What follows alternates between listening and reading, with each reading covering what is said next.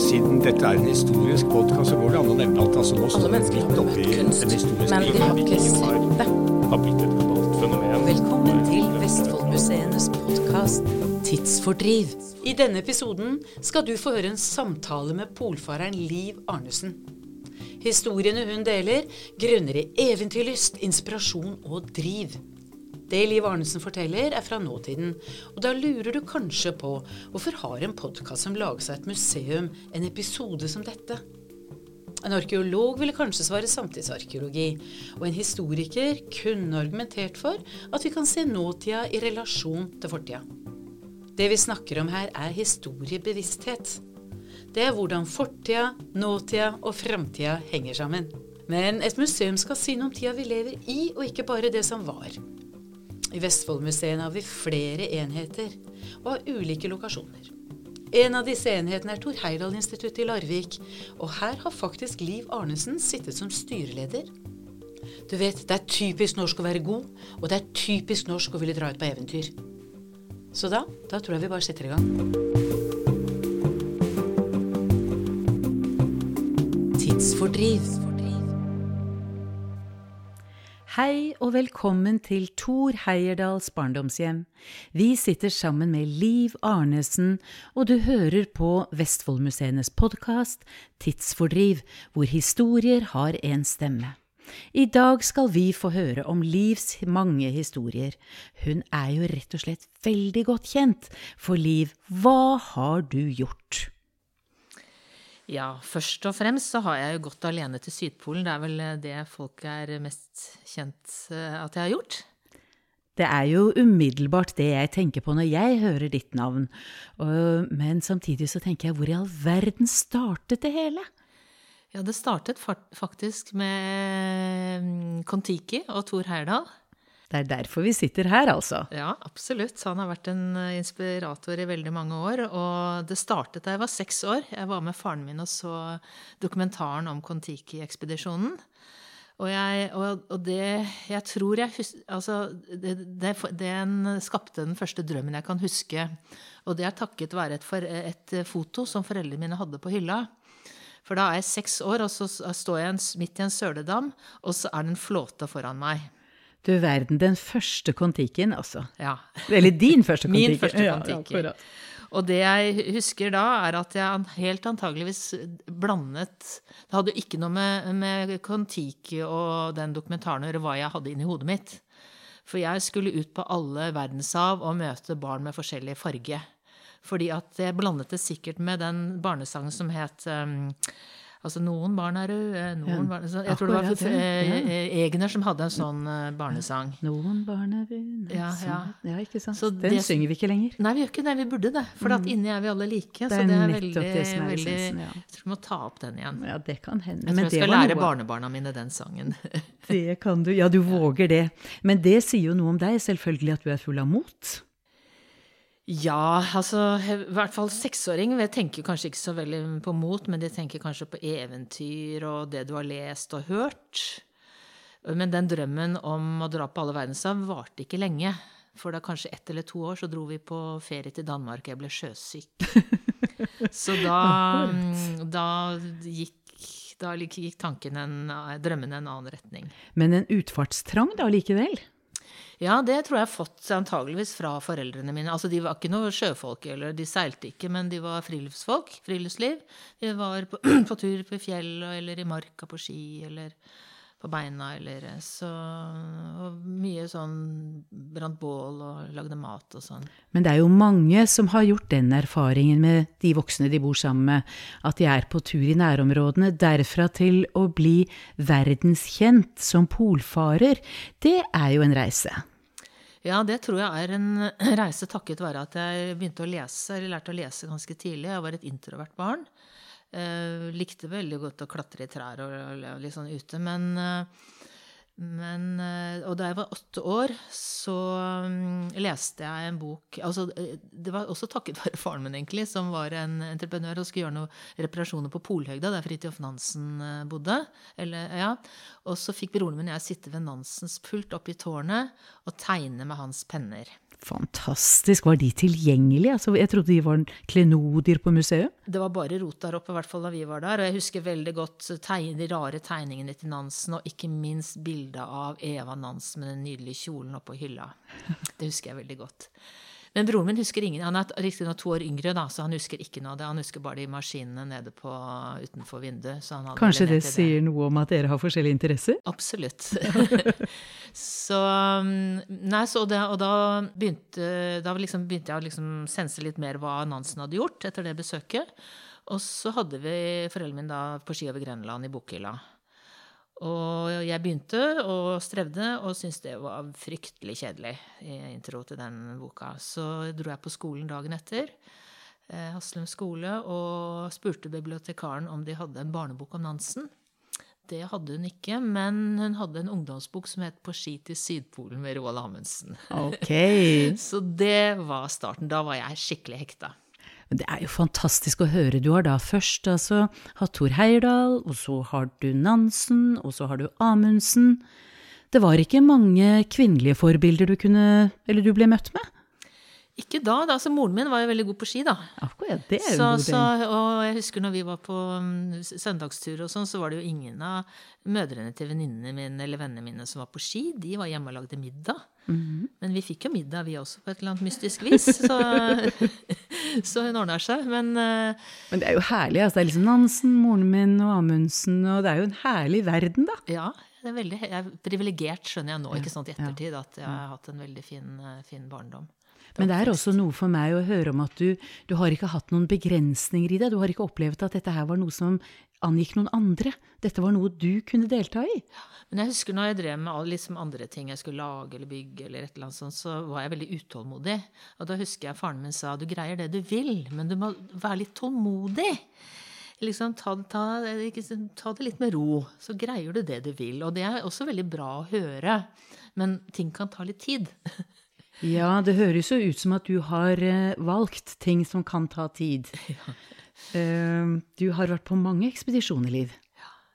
Men jeg har lyst til også å fortelle om eh, Du sa liksom ikke ingen kvinnelige for, forbilder, for mm. veldig mange spør meg om det har du ikke et ja, kvinnelig forbilde, altså bortsett mm. fra moren min, da. Og det, det, fant jeg etter eh, For det var jo veldig Altså, jeg drømte om Sydpolen, men jeg snakket ikke noe om det. Jeg snakket kanskje om ekspedisjoner og sånn, men, men, ikke at jeg selv skulle. Det var bare inn i mitt hode. Helt til jeg var tolv år. Og da var jeg på musikktur eh, til Tyskland sammen med Haslum skoles jentemusikkorps. Og så satt vi seks-syv jenter og så delte drømmer. Og alle mine venninner de drømte om kjekk mann, fint hus og pen, flott bil og sånn. Og jeg tenkte, satt der og tenkte Jeg var veldig naiv, tydeligvis, altså. Så, så, så jeg tenkte noe så kjedelig å drømme om noe som kommer av seg selv når du blir voksen, tenkte jeg da. Og så, og så det var min tur, da, så sa jeg at ja, jeg drømmer om å gå på ski til Sydpolen. Og så, Jeg husker fremdeles særdeles reaksjonen. Den latteren og det derre Nei, det går ikke an, ikke sant? Er det dum? Det er guttedrøm. Og da tenkte jeg er det noe gærent med meg, eller? Men allikevel så var jeg da liksom sånn sta eller introvert, eller, så jeg fortsatte å lese. Men jeg, det tok jo veldig lang tid til jeg fortalte noen det igjen. Ja, Følte du at folk eh, Altså den reaksjonen fra de andre jentene gjorde at du vurderte det igjen, og du tenkte kanskje det ikke er mulig? Nei, det tenkte jeg ikke. Jeg tenkte at, mm, og så da, men det var det, den, den, Da kom sikkert den boken som jeg nå skal fortelle om. Oh, ja. Det er ikke en kvinnelig eh, eventyr, eller noe sånt, men det er Madame Curie. Fysikeren og kjemikeren Madame Curie. For da, var det, da jeg var liten, så var det sånne, biograf, sånne biografier om kjente folk. Og eh, Marie Curie hun var den første som fikk innpass til Sorbonne universitet i Paris. Nettopp. Og det var inspirerende. Da tenkte jeg at hm, hvis hun kan komme inn på universitetet, så kanskje jeg kan gå til Sydpolen en dag. Du verden, det er jo en fantastisk ting. Men det betyr jo at det har vært noen refleksjoner omkring dine venninners reaksjon på din drøm. Ja. Og den må jo da ha vært opplevet av de andre som noe helt utopisk. Ja, det tror jeg. det tror Jeg Noen av de, jeg har jo truffet av det, jeg liksom bor i omtrent noen av de områdene ennå. så altså, De gjorde det, ja! Ikke sant? Imponerende på alle vis. Men hva tror du var din indre driv, da? som var annerledes enn de andre jentenes? Nei, altså, jeg har jo alltid elsket å gå på ski. Jeg husker de første skiene jeg fikk da jeg var tre år. De var, eh, de var røde, og så hadde vi de der gamledagse, forferdelige bindingene. Eh, og, og vi var jo på påskeferie først i Marka, og så leide familien mine forskjellige støler helt til de bygget sin egen hytte. Og jeg har alltid elsket vind og vær. Og jeg husker noen ganger da, da jeg var yngre, når, eh, for jeg begynte jo å løpe orientering da jeg var 12-13 år. Og da når vi var ferdig med påsketuren, så skulle jeg ut igjen. Med, kart, med, sånn, med kompass, og hvis det var veldig dårlig vær og sånn. Jeg husker en gang så ble det tåke. Eller sånn, jeg, plutselig så så jeg ikke stølen eller ingenting. Og da Heldigvis holdt jeg så hodet kaldt at jeg visste at eh, skarvet var nord, så jeg gikk frem og tilbake, frem og tilbake, helt til jeg snublet inn i, i en løe. Og det var sånn learning by doing, altså ikke Og da husker jeg når jeg kom, fant hytta igjen da, hvor rasende foreldrene mine var. Selvfølgelig var de redde. Eh, men eh, Var ikke du selv redd i, under den opplevelsen? Nei, for at da hadde jeg med meg kompass, så tenkte jeg Jeg, jeg vet, visste jo at jeg gikk den retningen, og så lå, det, når det ble veldig bratt, så gikk jeg ned igjen, og så frem og tilbake helt til jeg snublet i den. Og det er også en god sånn erfaring som jeg har tatt med meg senere, når det har vært øh, ja, storm eller uvær og man Altså, jeg får ikke panikk. Nei. Og det er veldig betryggende å vite at du er så rolig at selv om det koker rundt deg, selv om isbjørn kommer løpende, eller Du får ikke panikk. Du Og det er veldig godt å vite at du er så rolig, på en måte. Ja, det er jo en interessant indre reise å gjøre. Du må nødt til å dele med oss reisen din over Sydpolen. For jeg har jo lurt veldig på En ting er at du har denne drømmen som du faktisk legger ut på. Men erfaringene underveis, det store, hvite, reisen inn i deg selv, når du er ute sånn Ja, så for for det første så hadde jeg jo da også gått på ski over Grønland. Så det er, prinsippet er jo det samme. Da hadde jeg gått sammen med Julie Maske. mm. Så da var vi to. Og jeg spurte Julie om hun ville være med til Sydpolen, men hun var, jeg var mer klatra på den tiden og var litt lei store, hvite vidder. Men jeg hadde jo lest alle disse bøkene om de gamle gutta. Og så, så jeg eh, det, det, det som var det tøffeste med den turen, det var å skaffe sponsorer. Så jeg fikk til slutt Altså, eh, Monica Christensen hadde en ulykke året før jeg skulle av gårde. Det husker jeg, ja. Og da ville ingen ta igjen norsk kvinne som skulle til Sydpolen. Så det var rett og slett mangel på tillit til at man var godt nok forberedt? Ja. Og da hadde Børge Ausland en italiensk sponsor. Eh, også et selskap som het No Limits. Høres riktig ut. og de sa til meg ok, vi sponser deg. Du, vi skal betale ekspedisjonen din hvis du greier det. Nettopp. Og så eh, sa jeg til eh, mannen min da at vet du hva, nå har jeg sjansen til å gå til Sydpolen. Og de betaler den hvis jeg greier det. Så sa han du greier det helt sikkert. Så vidunderlig tro på deg. Det er en god støtte å ha. Ja, det var veldig bra støtte. Så, um, så da tok jeg opp lån, da. Selvfølgelig fikk jeg ski og noe klær og noe sånt noe, men, uh, men stort sett så Det er jo dyr forsikring, det er dyr reise og alt mulig sånn. Så da jeg Og det tyngste også var um, Rett før jeg dro, så ble en veldig god venninne og lærerkollega Jeg vet ikke om dere husker lærerdrapet i Bærum? Hun ble drept av en kollega av meg. Og det var liksom Jeg husker jeg, jeg trente med bildekk og eh, sekk på 20-30 kilo hver morgen. Og jeg husker den dagen, eller de dagene den uken etter Jeg greide ikke å løfte seg, Altså, du bare blir tappet for masse energi. Og så mm, ja, Så hadde jeg prøvd å spise meg opp. Spise meg opp ti kilo. Fordi at det er bedre å ha ti kilo på kroppen enn ti kilo i, i fulken. Så det raste av. Så det var ganske sånn tung eh, det, var- egentlig det som var det tyngste før start. egentlig At å få tilbake energien og gleden. Og jeg visste jo at hun gjerne ville at hun var veldig entusiastisk. Og, så jeg måtte bare fokusere på det. Og venner fikk meg liksom i gang. At det er, det, det er bare det eneste riktige å gjøre. Bare fortsette. Men det er jo da spennende når du har dette med deg mentalt, når du reiser ut, og du får så lang eller god tid til å ha samtaler med deg selv, vil jeg tenke.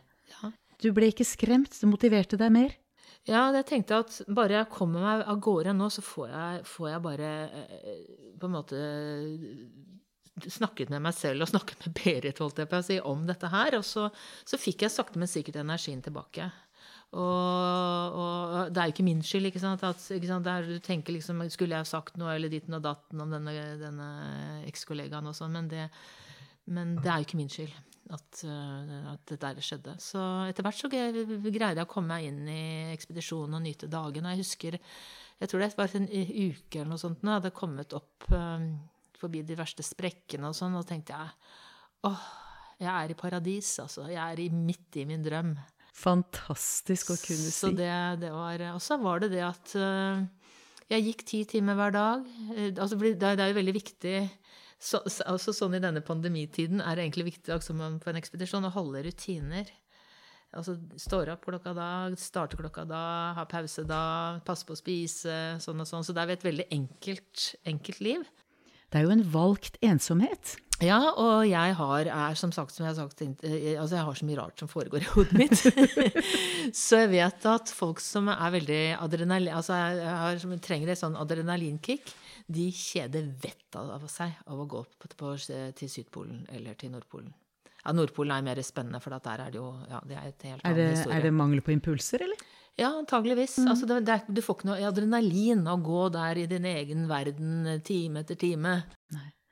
Ok, hvis det er en spredsprekk, men det er ikke noe isbjørn der, det er ikke noe farlige dyr, det er ingenting. Hvor lenge ser du dyr, da, fra, du, fra turen startet? Ser ikke dyr i det hele tatt. Fordi jeg er langt ute ved kysten. Ja. Er det ikke bare en liten hilsen fra en pingvin en gang? Nei, for de er, de altså jeg starter jo på Skjelfen, da, som er mange, mange mil fra åpent hav. Okay. Så, så, det er Nei, det er så ingenting. Ingenting. Og snakket ikke med et eneste menneske på hvor lang tid? På 50 dager. Og det, hvordan var det da å komme tilbake til hverdagen etterpå? Altså Jeg kom til Sydpolen, og der det, var det 120 entusiastiske amerikanere. Og amerikanere har jo ingen grenser på hva de spør eller hva de vil greie på. eller noe sånt. Så jeg fikk et litt sånn, sånn sjokkartet eh, Og de var veldig, veldig Jeg ble tatt veldig godt imot. Og da jeg kom fram til Sydpolpunktet, så står det en kar der, og så sier han 'Welcome to the South Pole'. Og da tenkte jeg her er det sikkert innmari sjekkemølle, jeg var litt forsiktig her, tenkte jeg da. og så, så, er jeg veldig uh, Nei, så sa han også 'I think I've seen you before'. Så tenkte jeg 'hæ, dette her er veldig merkelig'. Så var jeg veldig avvisende og sånn, og så, og så sier han til meg 'White Pine Ski School, you taught me cross country skiing'. Jeg var skinsdirektør i Park City i 1979. Første menneske jeg møter, har jeg lært å gå på langrennsski. Er ikke det sprøtt? Jeg vil si at du er en veldig god motivator, Liv. så det var det. Og så sa han du er helt sikkert velkommen inn. Og så gikk jeg ned i kantinen da, sammen med han, og så var det noe sånn å, du, så Av og til så kommer det fly med turister inn til Sydpolen. Så var det liksom eh, litt sånn Er det kommet et fly med turister nå? Liksom var det noen som sa Nei da, sa jeg. Jeg har gått, jeg. og da, vet du, plutselig så var det Hva vil du ha, ikke sant? Hva kan vi by deg på? Så da var det Og det var julaften.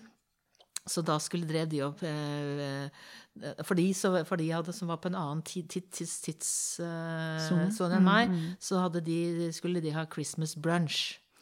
Og det bare det å altså jeg, hadde, jeg, hadde, spist noe som heter blå bånd, noe svensk turmat, som var å spise cellulose da i 50 dager, og noe annet kjedelig. Så så jeg det bordet, vet du, med frukt og grønnsaker og alt mulig. Så det var helt fantastisk. Så jeg ble veldig godt mottatt. Men det må da ha vært planlagt, for du hadde jo, som du sier, du gikk ti timer hver dag. Du hadde jo hatt en progresjon eller en plan for progresjon? Ja, jeg hadde med mat for 60 dager. Ja. Og så, når jeg nærmet meg Sydpolen, så skjønte jeg at det kunne gå et par dager eh, raskere. Mm. Så derfor tenkte jeg hm, nei, jeg satser på å komme frem julaften, for da får jeg min beste julepresang noensinne. Ja. Og så var jeg ikke sliten. Jeg var liksom veldig, altså da, så derfor da når jeg, når jeg, kom inn, så så jeg ganske på grunn, Også pga. kulda, så ser det liksom sånn fresh ut. Men etter et par dager liksom, eh, så så jeg at jeg så et speil, så så jeg at jeg lignet veldig mye på bestemoren min. var litt tynnere og i kjaken og sånn. Så. 50 dager på ski, 10 timer hver dag. Det er klart, det må jo sette spor.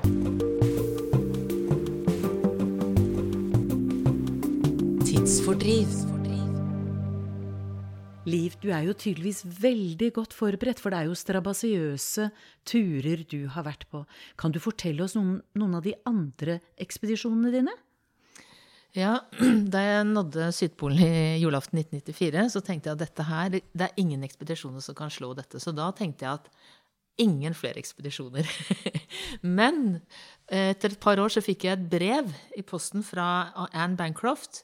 Hun var første kvinne på Nordpolen sammen med syv menn og 47 hannhunder. Og så hadde hun også gått til eh, Sydpolen med et eh, amerikansk team. Men de planla å krysse, men pga. skader og litt sånn forskjellig, så sluttet de på Sydpolen. Og hennes drøm var å krysse hele Antarktiskontinentet, sånn som Ernst Shackletons eh, plan var.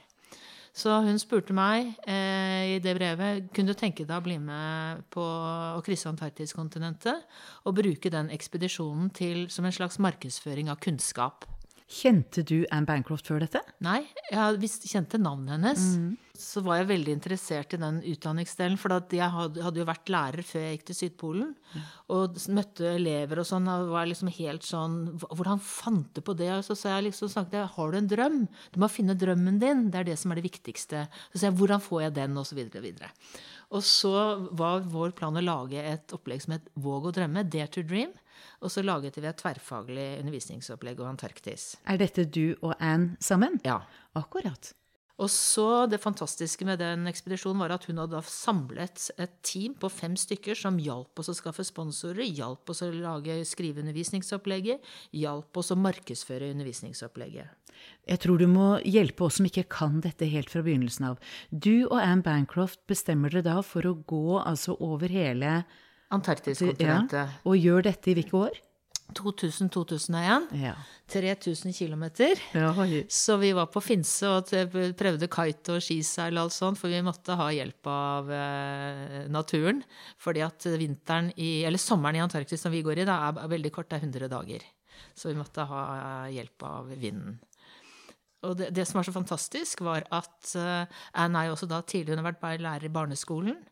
Og da jeg traff henne, så tenkte jeg først altså sånn Jeg vet ikke om jeg orker å dra på ekspedisjon med en sånn skravlete amerikaner. Men hun er veldig, er veldig like på veldig mange måter. Hun elsker å lese og alt mulig sånn. Og så, så viste det seg også at vi heldigvis var litt forskjellige. Jeg er utålmodig. Hun er veldig Jeg skal ikke si en sånn procrastinator, men på grensen. Mm -hmm. Så vi hadde en del sånne i starten. og, og og så sa vi til hverandre at det er kanskje bra at vi ikke er helt like at av og til så måtte jeg si 'nå må du gasse', og hun sier til meg fremdeles, vi jobber fremdeles sammen, 'nei, nå må du bremse litt', nå er det, det litt for fort for meg. Men i hvert fall så kom vi oss av gårde, da. Eh, og eh, vi ringte CNN to ganger i uka som gjorde at vi fikk jo spredd det undervisningsopplegget. Og etter tre uker så krasjet server og alt, ikke sant, for at alle gikk inn på den websiden vår. Men da gikk, kom sponsoren inn og, og, betalte alt, og så var vi oppe og gikk igjen. Fortell, altså undervisningsopplegget, det het, sa du? Våg å drømme. Våg å drømme, ja. Og et tverrfaglig om Antarktis. Nettopp. Hadde dere da et tydelig miljøperspektiv her, eller? Ja, altså det med tverrfaglig Nei, egentlig ikke, men da hadde vi alt om eh, Antarktis. da, mm. Is og sol og alt. Men det var nesten Da var det ikke så veldig sånn akkurat med smelting av is i Antarktis nei, og Arktis. Nei, nei. Så det, det, eksploderte akkurat rundt 2000, ja. både i, i, nord og syd. Mm, mm. Så, så, vi kom oss av gårde, og gikk og gikk. Og den, da vi kom frem til Sydpolen, så fortalte forskerne at dette er den varmeste sommeren vi har eh, målt på, i Antarktis. Og det var jo sånn ah, så, så, sa de også at dere kan risikere å møte vann på andre siden i, brenen, i nedgangen på breene. Og det var vi veldig skremt over, for da, var det ikke, da er ikke bresprekene bresprekkene dekket av snø, altså hvis alt hadde smeltet. Men Og det var helt nytt? Det var helt nytt. Så det var sånn aha, wow, hva skjer? Og så hadde vi også tidspress, for det var ikke så mye vind som det pleide. For Antarktis er jo det mest vindfulle kontinentet i verden. Så det var helt tydelig at det var en sånn eh, skifte akkurat rundt 2000. Så det var jo sånn litt sånn skremmende. Så vi fortsatte, da. Og det var jo veldig spennende å se hva vi møtte på nedgangen. Her kom jo eventyreren inn, altså inn i det ukjente. Ja. Og det var ganske kronglete å komme ned eh, den vi hadde, vi hadde valgt Shackleton-breen, for den, det er faktisk en en av meg selv største polarhelt. Fordi at han Altså, Amundsen er jo selvfølgelig praktikeren. Eh, Men Shackleton han hadde et lag med seg, og han var en fantastisk leder.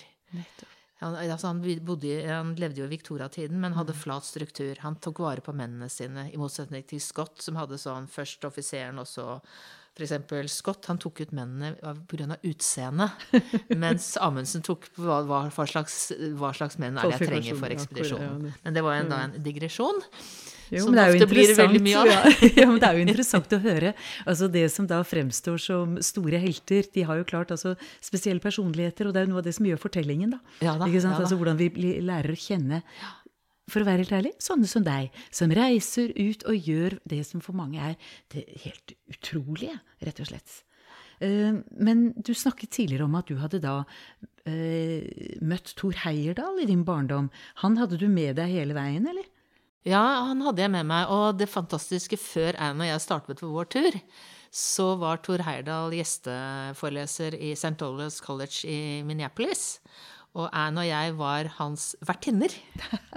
Så, og det var så morsomt, for at, da skulle jo vi på ekspedisjon, og han var så nysgjerrig på vår tur. Og så sier Anne og jeg nei vi, vi, nei, vi har to spørsmål, så kan du få ett. Så vi satt og pratet i flere timer, og det var en fantastisk opplevelse. Og da vi, hadde, da vi endelig hadde skrevet boken om vår ekspedisjon, da, No Horizon is so far, så spurte vi Thor om han kunne skrive forord. Men da hadde han begynt å få vondt, altså da hadde han begynt å bli syk. Så sa han jeg har, jeg, jeg skulle gjerne, men jeg har så mye, jeg vil gjerne liksom gjøre mest mulig av det forskningsarbeidet jeg driver med. Så det var jo fullt forståelig, selvfølgelig. Men da møtte du altså ansikt til ansikt din store helt, som hadde vært med deg hele veien. Ja.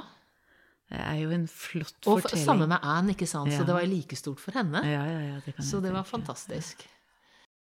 Men uh, i dag sitter vi da i Tor Heyerdahls stue.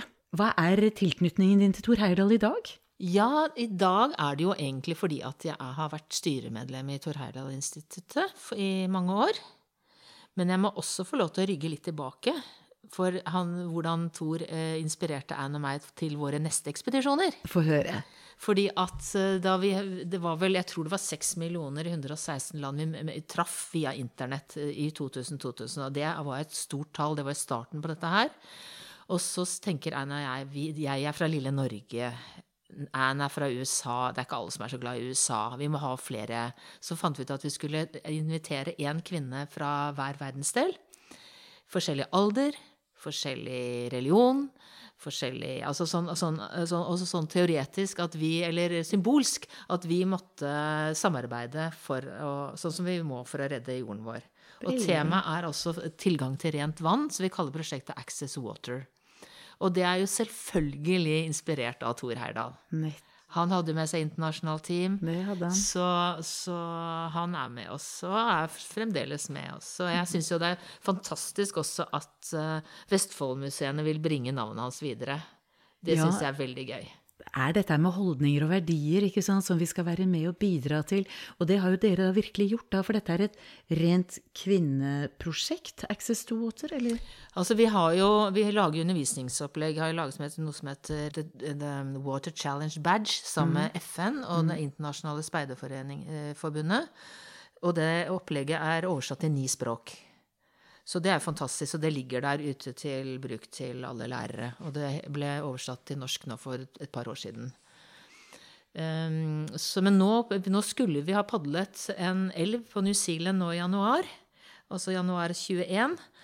Men det er jo stoppet nå pga. denne pandemien vi, vi har. Uh, og det er en elv som fikk Human Rights. Altså det er, og vi har en eh, deltaker som er fra New Zealand, som er maori. Og de har jo egentlig naturen som religion. Absolutt. Så den, er, den har da fått liksom menneskerettigheter, den elven. Og det er, og det vært, det er liksom fantastisk historie rundt det. Men det må vi da utsette til eh, ja, inntil videre. Dette er jo en veldig spennende vei å gå, og jeg hører jo absolutt at dette har noe med museer og historiebevissthet å gjøre. Og det er jo fantastisk for oss da å ha sånne som deg på laget til å bringe inn videre horisonter inn i det som kan være kanskje et smalere historisk perspektiv på det vi jobber med. Uh, Tor Heyerdahl-stiftelsen, slik den fremstår i dag, uh, eller instituttet, De jobber jo konkret i retning av unge mennesker, gjør de ikke det? Jo. Vi har hatt uh, Tor Heyerdahl-stipendet, som er uh, rettet mot videregående skoler. Uh, og det, det, er, sånn- det er tre forskjellige temaer som går for sånn Det er miljø, og så er det tverrfaglig samarbeid. Og så er det Hva var tredje igjen, da? Internasjonal Ja, internasjonalt arbeid.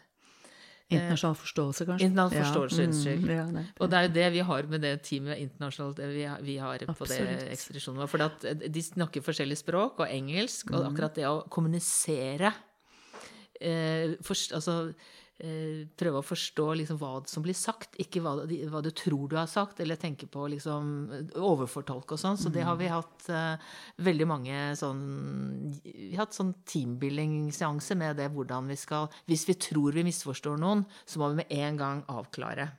Hva, mente du det, eller hva var det du egentlig Forsto jeg rett? Så det er det. Så det håper jeg eh, Vestfoldmuseene fortsetter med. For Tor Heyerdahl er nemlig i ferd med å bli glemt. Tenker du det? Ja, vår, altså min generasjon husker jo han.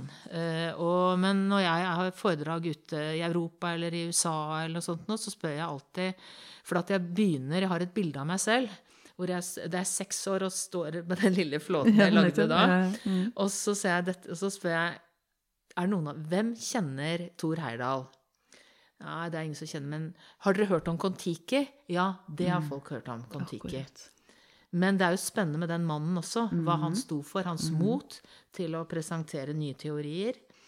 Til å fokusere på miljøet, særlig havet. ikke sant, Med Ra, han så disse svære oljeklumpene. Og den internasjonale samarbeidet. Så det, det er det verden trenger i dag. Ja, det kan absolutt se sånn ut. Altså, det har alltid vært aktuelt, og det blir kanskje bare enda viktigere. Vi er akkurat nå i skrivende stund i en tid hvor verden utsatt, er utsatt for en pandemi. Globalisering. Du har jo vært i et isøde. Hva tenker du om Hva er det mennesket har påført seg selv? Hvis du skal se miljøsak Har du noen tanker om når du gikk der ute i det store, hvite Altså, jeg tenker jo på at uh, hva penger gjør med folk. Ja. Jeg tenker at det er penger som uh, driver folk, og da en, en del mennesker enser ingenting, bare de får tjent mest mulig penger.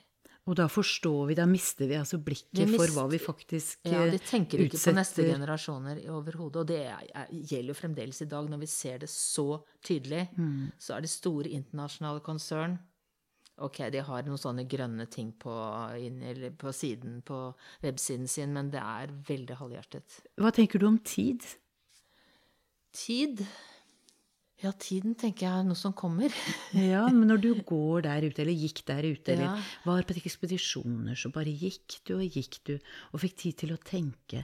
Jeg tenker jo kanskje at når en pandemi er kommet sånn som nå, så får vi tid til å tenke på en annen måte. Verden stopper litt opp. Jeg tror det er ganske, ganske skremmende for mange som faktisk ikke har stoppet opp og, og tenkt. De har jobbet, fått utdannelse, fått barn, det bare går i ett og i ett og i ett. Så plutselig så møter de seg selv når de ser seg i speilet om morgenen, eller at det, altså, De har så mye tid. Eh, Der jeg bor, så er det jo blitt det nesten alle, ingen som gikk i skogen der jeg holder til. Nå er det jo så mange altså, Jeg tror det, folk har begynt å bruke, eller har glede av naturen mer. Jeg ser masse barn og Så jeg tror det har gjort noe med folk. Men jeg tror egentlig, når, det, når denne pandemien er over, så er det veldig mange som setter seg på fly, første fly til Spania igjen. Ja, jeg håper og tror kanskje ikke det er Jeg helt håper det sånn. også, men Ja. jeg vet ikke. For jeg håper jo at det skal være nettopp denne, dette, hva skal vi si, det som stopper opp litt nå og da. At vi reflekterer og vi kjenner etter. Sånn som jeg tenker du må ha gjort når du var ute og gikk. Som Jeg sagt, tror det det, mange- griper meg veldig. Jeg tror det er mange som gjør sånn det du håper, og som jeg håper. Men jeg tror det store og hele Vi kommer veldig fort tilbake til gamle rytmer. Ja, med mindre vi da får altså beskjeder om at vi Ja, kan ikke det. ja. Eh, Fordi at i et miljøperspektiv så har vi nå sett at dette tåler vi ikke. Ja. Og det treffer oss alle sammen, fordi i denne globaliserte verden Mm. så er vi jo så avhengig av hverandre. Og um, når dere da jobber hva skal vi si, internasjonalt og bygger bånd og skaper internasjonal forståelse på mange måter på et veldig lite plan med en flåte eller sånn, så, har, så bærer du i seg sannhetene om at alt er avhengig av alt. Ja. Nei, vi har et håp. Det er jo derfor vi Ja, fortsetter, Det er det. Det er et håp. Ja. Det er et fantastisk godt ord å ha med seg når vi takker deg, Liv, for denne samtalen. Det er håp. Takk skal du ha. Takk skal du ha. Tidsfordriv er en podkast fra Vestfoldmuseene og er laget av produsent Susann Melleby, lydtekniker Jon Anders Øyrud Bjerva og meg, Ellen Asplin. Ønsker du å kontakte oss? Send en e-post til kommunikasjon at vestfoldmuseene.no.